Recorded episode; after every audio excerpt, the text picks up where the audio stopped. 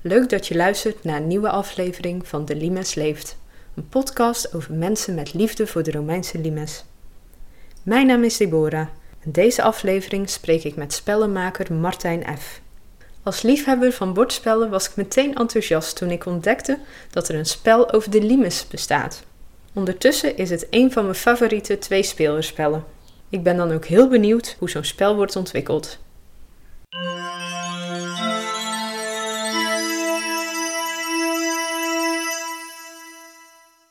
Ik ben uh, Maarten F. Ik ben bordspelontwerper. Dat betekent dus dat ik uh, bordspellen uitdenk en uh, daarna zelf uitgeef. Dus dat heb ik gedaan. Of aan uitgevers aanbied in de hoop dat zij die uitgeven. En is dat iets wat je erbij doet naast je gewone werk? Ja, ik heb geprobeerd zeg maar, om daarvan te kunnen leven een paar jaar, maar dat, ja, dat gaat echt niet. Dat, of ja, dat is natuurlijk is niet helemaal waar dat het niet gaat, maar het is heel moeilijk ja, er zijn in de bordspellenwereld zijn er een paar mensen die er echt goed van kunnen leven, maar voor bijna alle anderen is het meer hobby. Dus ik heb er nu ook weer hobby van gemaakt. Ik heb nu gewoon een baan en uh, dat is een leuke baan. Kun je nog herinneren hoe je daar bent ingerold? Waar is dat mee begonnen?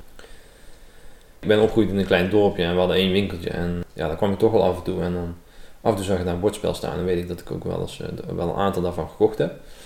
Dat trok wel en dan zochten we ook zelf uit hoe dat werkte en zo. Maar mijn interesse is pas of ja, niet zozeer echt gewekt, maar die is denk ik veel meer aangewakkerd toen ik in uh, Nijmegen studeerde en daar een uh, Duitser leerde kennen. Die ons een keer uitnodigde bij hem thuis en daar hadden ze twee uh, kasten vol met spellen, vol met bordspellen. Ik stond echt zo, wauw, wow, wat een ontzettende hoeveelheid spellen hebben jullie. En zei, ja, ja, maar er is ook elk jaar een beurs in Essen waar... nou, toen ben ik daarmee naartoe gegaan en heb ik met mijn toen ik studeerde had ik wel echt een budget, zeg maar. Dan zei ik van tevoren, nou ja, niet meer dan 250 gulden uitgeven, want meer heb ik gewoon niet.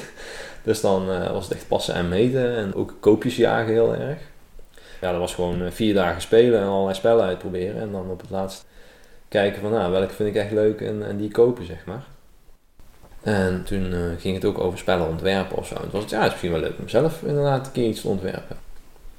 Toen ben ik dat gaan proberen. En ja, dan, dan begin je heel enthousiast, dan heb je een heel leuk idee. En eh, ik weet nog dat ik mijn, mijn allereerste prototype, toen had ik iets bedacht en had ik allemaal bordstukken nodig.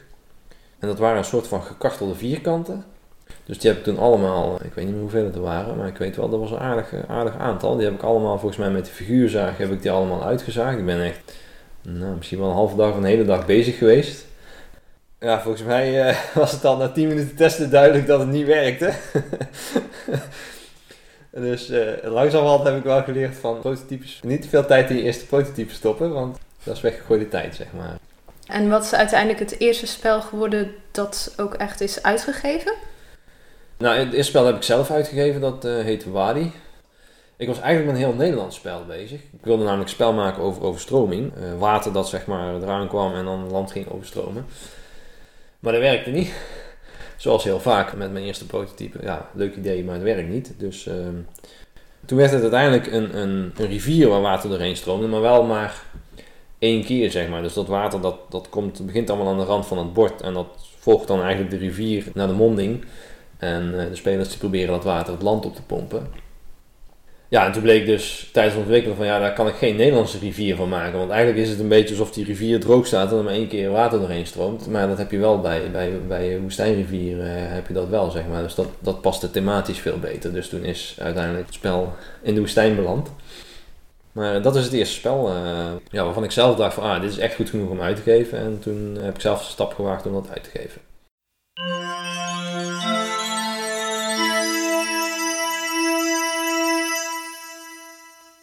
Nu ben ik hier voor het interview natuurlijk voor het uh, Limes-spel.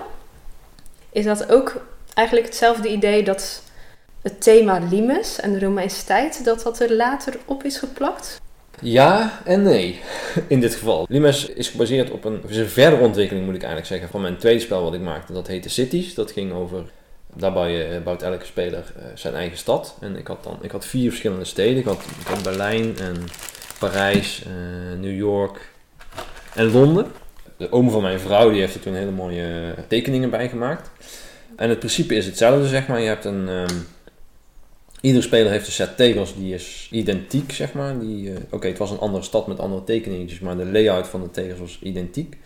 Er is één speler die schudt zijn tegels, die pakt elke ronde een tegel. En alle andere spelers pakken diezelfde tegel, maar ieder bouwt met die tegels zijn eigen stad. En die bouwt dus ook uiteindelijk een compleet andere stad. Dus dat idee, zeg maar, zat in cities. En ik zie, ja, even om te vertellen, Mhm. op elke vierkante tegel zie je verschillende kleuren. Ja, Nou, je hebt dat eigenlijk zijn een soort precies, je had, precies, je had eigenlijk een soort vier landschappen, maar omdat dit in de stad speelde, was het park, vijvers, terrasjes en bezienswaardigheden. Terwijl in Limes hebben we dan de wachttorens, het water, het bos en de boerenakkers. Ja, Limes zeg maar, speelt voor een heel groot deel ook wel hetzelfde. Maar ik had in mijn eigen spel toen had ik, eh, qua puntentelling had ik drie niveaus. Zelf vond ik niveau 3, het hoogste niveau, dat, dat was voor mij het spel, zeg maar. Maar ik zag ook wel van, ja, voor sommige mensen is het misschien net een beetje moeilijk. Dus ik had een, heel makkelijk instapniveau gemaakt en dan een, een ander niveau waarvan ik dacht, oh ja, dat is, dat is dan ah, is wel aardig om een keer te doen. Maar uiteindelijk wil je naar niveau 3. Maar toen het eenmaal op de markt was, was me al heel snel duidelijk dat bijna iedereen dat niveau 2 speelde, zeg maar. Dat, eh, wat er eh, middenin zat. Ja, toen ik op een gegeven moment andere uit, uitgevers eh, benaderde van of ze interesse hadden om cities uit te geven, toen was Abacus Spielen, die was wel geïnteresseerd. Maar die zeiden meteen van ja, wij willen wel op dat niveau 2. En we willen ook dan nog iets met de puntentelling doen. En ik zei nou, dat is prima. En toen kwamen zij met een voorstel van, we zaten te denken over dat het spel dan met jagers was. En dat je dan jagers op het eh, bord zet. En ze hadden dan ook wat andere ideeën voor de puntentelling. En ja, ik was daar niet zo heel erg van overtuigd. Ik vond een beetje, dat wat ze bedacht hadden, ja dat kon wel, maar dat voegde niet heel veel toe aan het spel. En ik vond het net een beetje saai. Ik dacht, en ik vond het jaagthema ook, sprak me ook niet zo heel erg aan. Dus, dus toen ben ik zelf eerst gaan zitten van oké, wat, wat hè, als we nou daar uitgaan van oké, dit is basis, eh, maar dat niveau 2 eh, wordt het spel, wat, wat kan ik dan veranderen? Nou, toen zijn de hutjes die in Limes, in Limes heb je zeg maar de visser op het water, die levert vis aan alle hutjes die aan zijn meer grenzen. Eh, dat is iets wat in cities niet zat, zeg maar. Dus die heb ik toen bijbedacht eigenlijk. Dat betekende overigens wel dat de layout van de tegels veranderd moest worden uiteindelijk. We wilden eigenlijk dat hetzelfde houden. Zo van, ja, dan kan je eventueel combineren of zo, mocht je willen. Maar ja, dat was niet mogelijk. En qua thema was ik ook niet zo heel erg gecharmeerd daarvan. Dus ik kwam uiteindelijk dat ik dacht van, ja, eh, Romeinen met die wachttorens zo, dat paste bij de puntentelling, zeg maar. Want ik had natuurlijk in, het, in Limes, het spel, zeg maar, kun je je poppetjes inzetten. En op een van de plekken die je ze in kan zetten is op de wachttorens. Dat paste goed bij de Romeinse tijd, zeg maar. En toen heb ik de rest daar een beetje op aangepast. Maar ik moet wel zeggen dat ik dat toen zo naar de, eh, voorgesteld heb aan de uitgever. Van, nou, ik heb deze puntentelling bedacht. En ja, ik heb dit als thema erbij gedaan. Maar ik moet eerlijk zeggen, 9 van de 10 keer. Als je naar een uitgever gaat met een spel en je hebt een thema, dan 9 van de 10 keer veranderen zij het thema. Dat gebeurt bijna altijd. Omdat zij dan vinden van, ja, dit thema past beter bij het spel. Of dit, eh, dit thema kunnen we beter vermarkten. Of ja, er zijn eh, legio redenen. Dus ik had eigenlijk niet verwacht dat, ze, dat ik vervolgens kreeg ik een paar maanden later een mail. We hebben een tekenaar aan het ding gezet. Ja, het spel gaat Limes heten.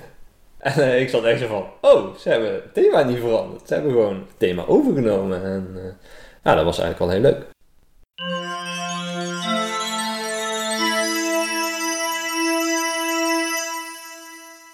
Wat ik zelf zie, maar wat ik ook hoor van andere mensen en, en waarom ze het leuk vinden. Het is een spel met vrij enkele spelregels. Wat niet lang duurt. Want als iedereen het spel kent, ja, dan speel je echt in 10, 15 minuten.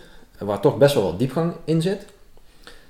En wat altijd weer een leuke puzzel is. En wat ook elke keer anders is. En ook niet zo is van, oh ja, uh, ik heb een standaard strategie of zo. Dus dat, dat zijn volgens mij de dingen die, die mensen heel erg aanspreken. Hè, als mensen heel erg van uh, heel veel interactie in het spel houden. Ja, dan, dan past die mes niet. Want iedereen bouwt zijn eigen Romeinse Rijk, wordt veel gezegd, maar zijn eigen stukje, stukje Romeinse Rijk, zeg maar. Uh, en bepaalt zelf waar hij zijn kaarten neerlegt en waar hij, waar hij zijn poppetjes neerzet. Uh, aan de andere kant is dat voor heel veel mensen ook weer een voordeel. Ik bedoel, ik heb ook heel veel mensen gehoord van, oh, het is zo fijn bij jou, er is niemand die mijn strategie kan verstoren. Ja, het ligt natuurlijk aan de kaartjes uh, of die strategie uitkomt. Want dat, ja. dat vind ik altijd het lastige. Want de ene keer dan denk je echt van, hé, hey, het gaat heel goed. De andere keren heb je echt de verkeerde nee, kaarten. Ja. En dan heb je echt een veel lagere score. Ja, ja precies. Want dat, was het, dat bedacht ik nog inderdaad. Want dat is nog een van de andere dingen die volgens mij leuk is. Het is toch, uh, zeker als je het een paar keer gespeeld hebt, dan ga je een beetje plannen van, ah weet je, ik denk dat ik mijn akker daar ga bouwen. En dan ga ik hier, uh, hier een stukje bos bouwen. En dan zet ik daar die torens zo meer, weet je wel. Maar je weet niet welke kaarten er komen. Ja, je weet natuurlijk welke kaarten erin zitten op een gegeven moment wel. Je kan het ook, ook, je kan ook gewoon kijken, want ik bedoel, daar is niks, er is niks geheims aan. En je, en je weet gewoon van, oh ja, deze, er zijn die kaarten met twee keer water, twee keer bos of twee keer bos, twee keer akker. Die zijn natuurlijk extra sterk. En je weet hoeveel erin zitten. En als ik zelf begin een potje, dan hou ik ook rekening van, er komt vast wel één zo één en één zo één. Dus daar plan ik een beetje op. Maar ja, uh, je weet niet wanneer die komt. En überhaupt of die komt, zeg maar. En dat is volgens mij ook het leuke van, ja, ik ben, ik ben eens aan het plannen en vervolgens komt die kaart maar niet, dan krijg ik allemaal andere kaarten. Ja, die moet je toch neerleggen. En, uh, en dan moet je toch keuzes maken en dan moet je toch je planning omgooien. En, en dat is volgens mij ook het leuke van het spel. Dan uh, kan van alles plannen. Maar uiteindelijk moet ik het doen met de kaarten die je krijgt. En je weet niet precies welke je krijgt, want je krijgt er 16 van de 24. Dus de ene keer is het meer van dit, de andere keer meer van dat. En, en daar moet je dan toch wel even op aanpassen inderdaad. Soms dan laat ik echt een plek open tot één laatste, laatste ronde. Zo van, ah, hij komt misschien nog wel die goede kaart, weet je wel. En dan, uh, maar ja, dan wordt het ook wel heel spannend. Van komt hij wel of komt hij niet? En uiteindelijk zit je dan ook op een gegeven moment een kaart die denkt, ja, deze, ja, dat is niet die hele goede kaart. Maar die past er eigenlijk ook wel heel goed. Ik denk dat ik die er toch maar neerleg. Nou, dan bal je wel eens dan de ronde daarna die andere getrokken wordt. Maar, maar dat, uh, dat doet ook bij het spelletje. En, uh, en dat is volgens mij ook goed, want het is, het is volgens mij, uh, zeker voor zo'n kort spel, is, het niet, uh, is, is, is juist die gelukscomponent ook wel leuk, zeg maar. Waardoor je niet, ja, waardoor ook niet, niet altijd diegene die het allerbeste is in, in dit soort spelletjes wint. Want uh, ja, je, kan het niet helemaal zien, zeg maar, hoe het gaat. En, en soms dan, precies wat jij zegt, soms dan, ja, de ene kaart, zit je, oh ja, mooie kaart, weet je wel. Terwijl, terwijl, terwijl andere spelers zeggen, ja, nee, hier kan ik echt helemaal niks mee. Dat, ja het is in Duitsland uitgegeven. Ik heb het zelf in Nederland gekocht. Heb je zelf bedacht van, hey, in Nederland speelt die Limes ook. Kan ik daar misschien iets mee? Ja, dat is een hele goede vraag. Ik weet niet meer helemaal precies. Ik ben op een gegeven moment in contact gekomen met iemand van de organisatie van de Nederlandse Limes. Maar ik durf niet meer te zeggen of zij mij benaderd heeft of andersom. Ik geloof dat ik hun benaderd heb, inderdaad. Want ja, ik dacht van, ja, Limas was in Duitsland op de markt. Maar er was geen Nederlandse uitgever die mee wilde doen. Dat hebben ze wel gevraagd, maar die waren niet geïnteresseerd. Maar er waren best wel mensen die er toch wel naar vroegen. Van ja, dan heb ik, heb geen Nederlandse spelregels. En toen dacht ik, ja, het is misschien toch leuk om, om iets te doen. En toen hebben, uiteindelijk heb ik een, dacht ik van, nou, misschien zijn er wel een aantal musea die Romeinse dingen hebben, die, die geïnteresseerd zijn om mee te doen. Want als, als op zich, ik had het met de uitgever over, ja, als, als er genoeg interesse is, dan kunnen we Nederlandse spelregels drukken en een uh, weet het, Nederlands plaatje van de achterkant van de doos. En dan doen we dat gewoon achter de doos. En dan heb je een Nederlandse achterkant van je doos en Nederlandse spelregels.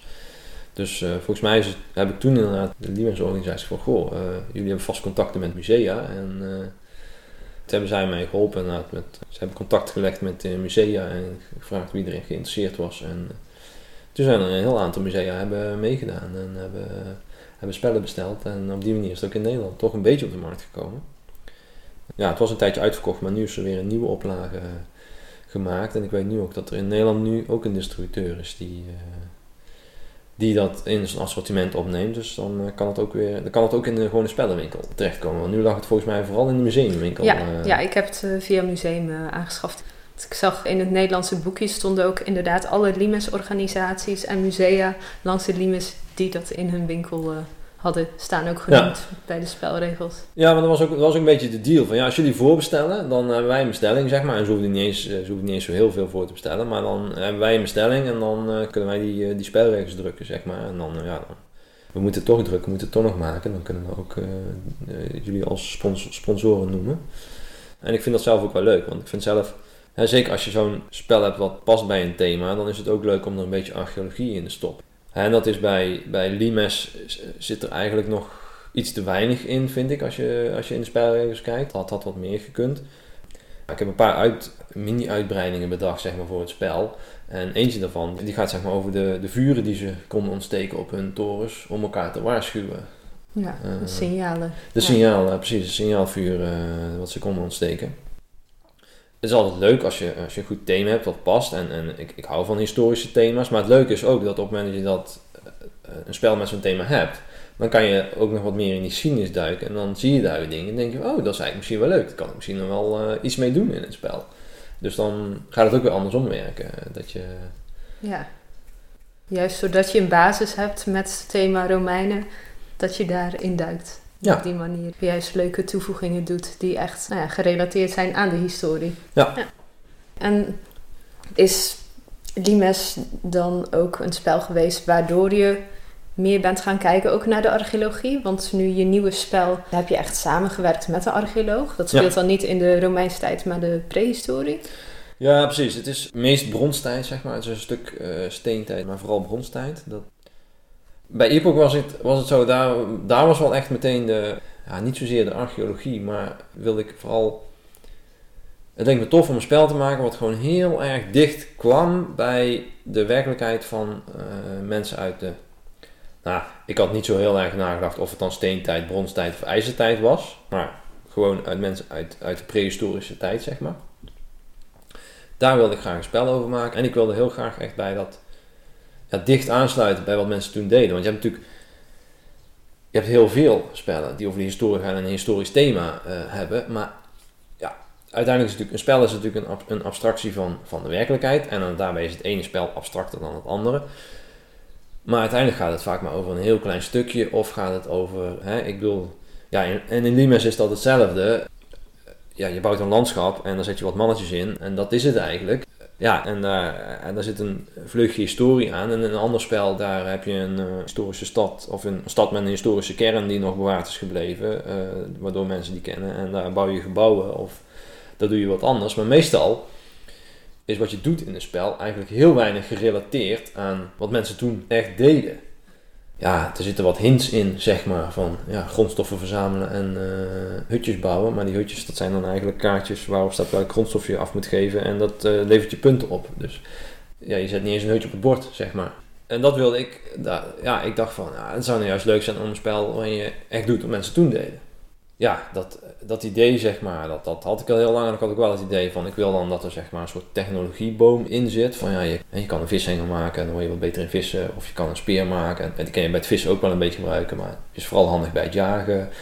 En toen ik dat idee helemaal had. En toen ik ook een systeem had bedacht, zeg maar, wat een beetje werkte. Want dat was eh, nog best wel moeilijk. Toen ben ik daarna eh, ben ik ook wel echt onderzoek gaan doen. Wat deden ze nou echt precies? Dat vind ik wel leuk, want ik bedoel, eh, bij Limes is het ook leuk, maar dan staat op, ja, op de achterkant van de doos staat dat de barbaren voor de grenzen van de Romeinen staan, zeg maar. Zoiets. Wat hebben we er precies van gemaakt? Aan de andere kant van de grens daar eh, loeren de barbaren. ja, Ja, het is een heel Romeins eh, zichtpunt natuurlijk. Die vonden alles eh, voorbij de ja grenzen dat is misschien dat is barbaren, waar. dus daar sluit het nog bij aan. Maar, ja. Ja, dat klopt. Maar het is, het is, het is, het is net een beetje kort door de bocht Ja. natuurlijk. Ik snap, ach- achter op de doos kun je maar een paar regeltjes zetten. Dus, maar ja, het, het, het zou leuk zijn zeg maar, als je in de spelregels ook één pagina hebt of zo... waarin je wat meer vertelt over, over het thema. Want het kan natuurlijk prima in zo'n spel. We hebben dat in, bij de Nederlandse spelregels ook gedaan trouwens. De oorspronkelijke spelregels hebben ze op vier kantjes gekregen, zeg maar. Maar omdat we voor de Nederlandse versie wilden die, eh, ja, hadden we gewoon één extra kant nodig voor de sponsoren die meededen. En dan nog één kant over. Dus toen heeft iemand daar ook een stukje over de Limes geschreven. En bij de Nederlandse versie er wel eh, wat extra archeologie en, eh, en geschiedenis bij zit. Ja, dat vind ik wel leuk, want dan geeft het toch een extra dimensie aan het spel. En dat is ja, zeker niet voor iedereen weggelegd. Ik bedoel, er zijn zeker mensen die kopen het spel alleen maar omdat ze het leuk vinden om spelletjes te spelen en eh, die boeit de archeologie verder niet. Maar eh, voor mensen die dat wel leuk vinden, is dat eh, een leuk extraatje, denk ik.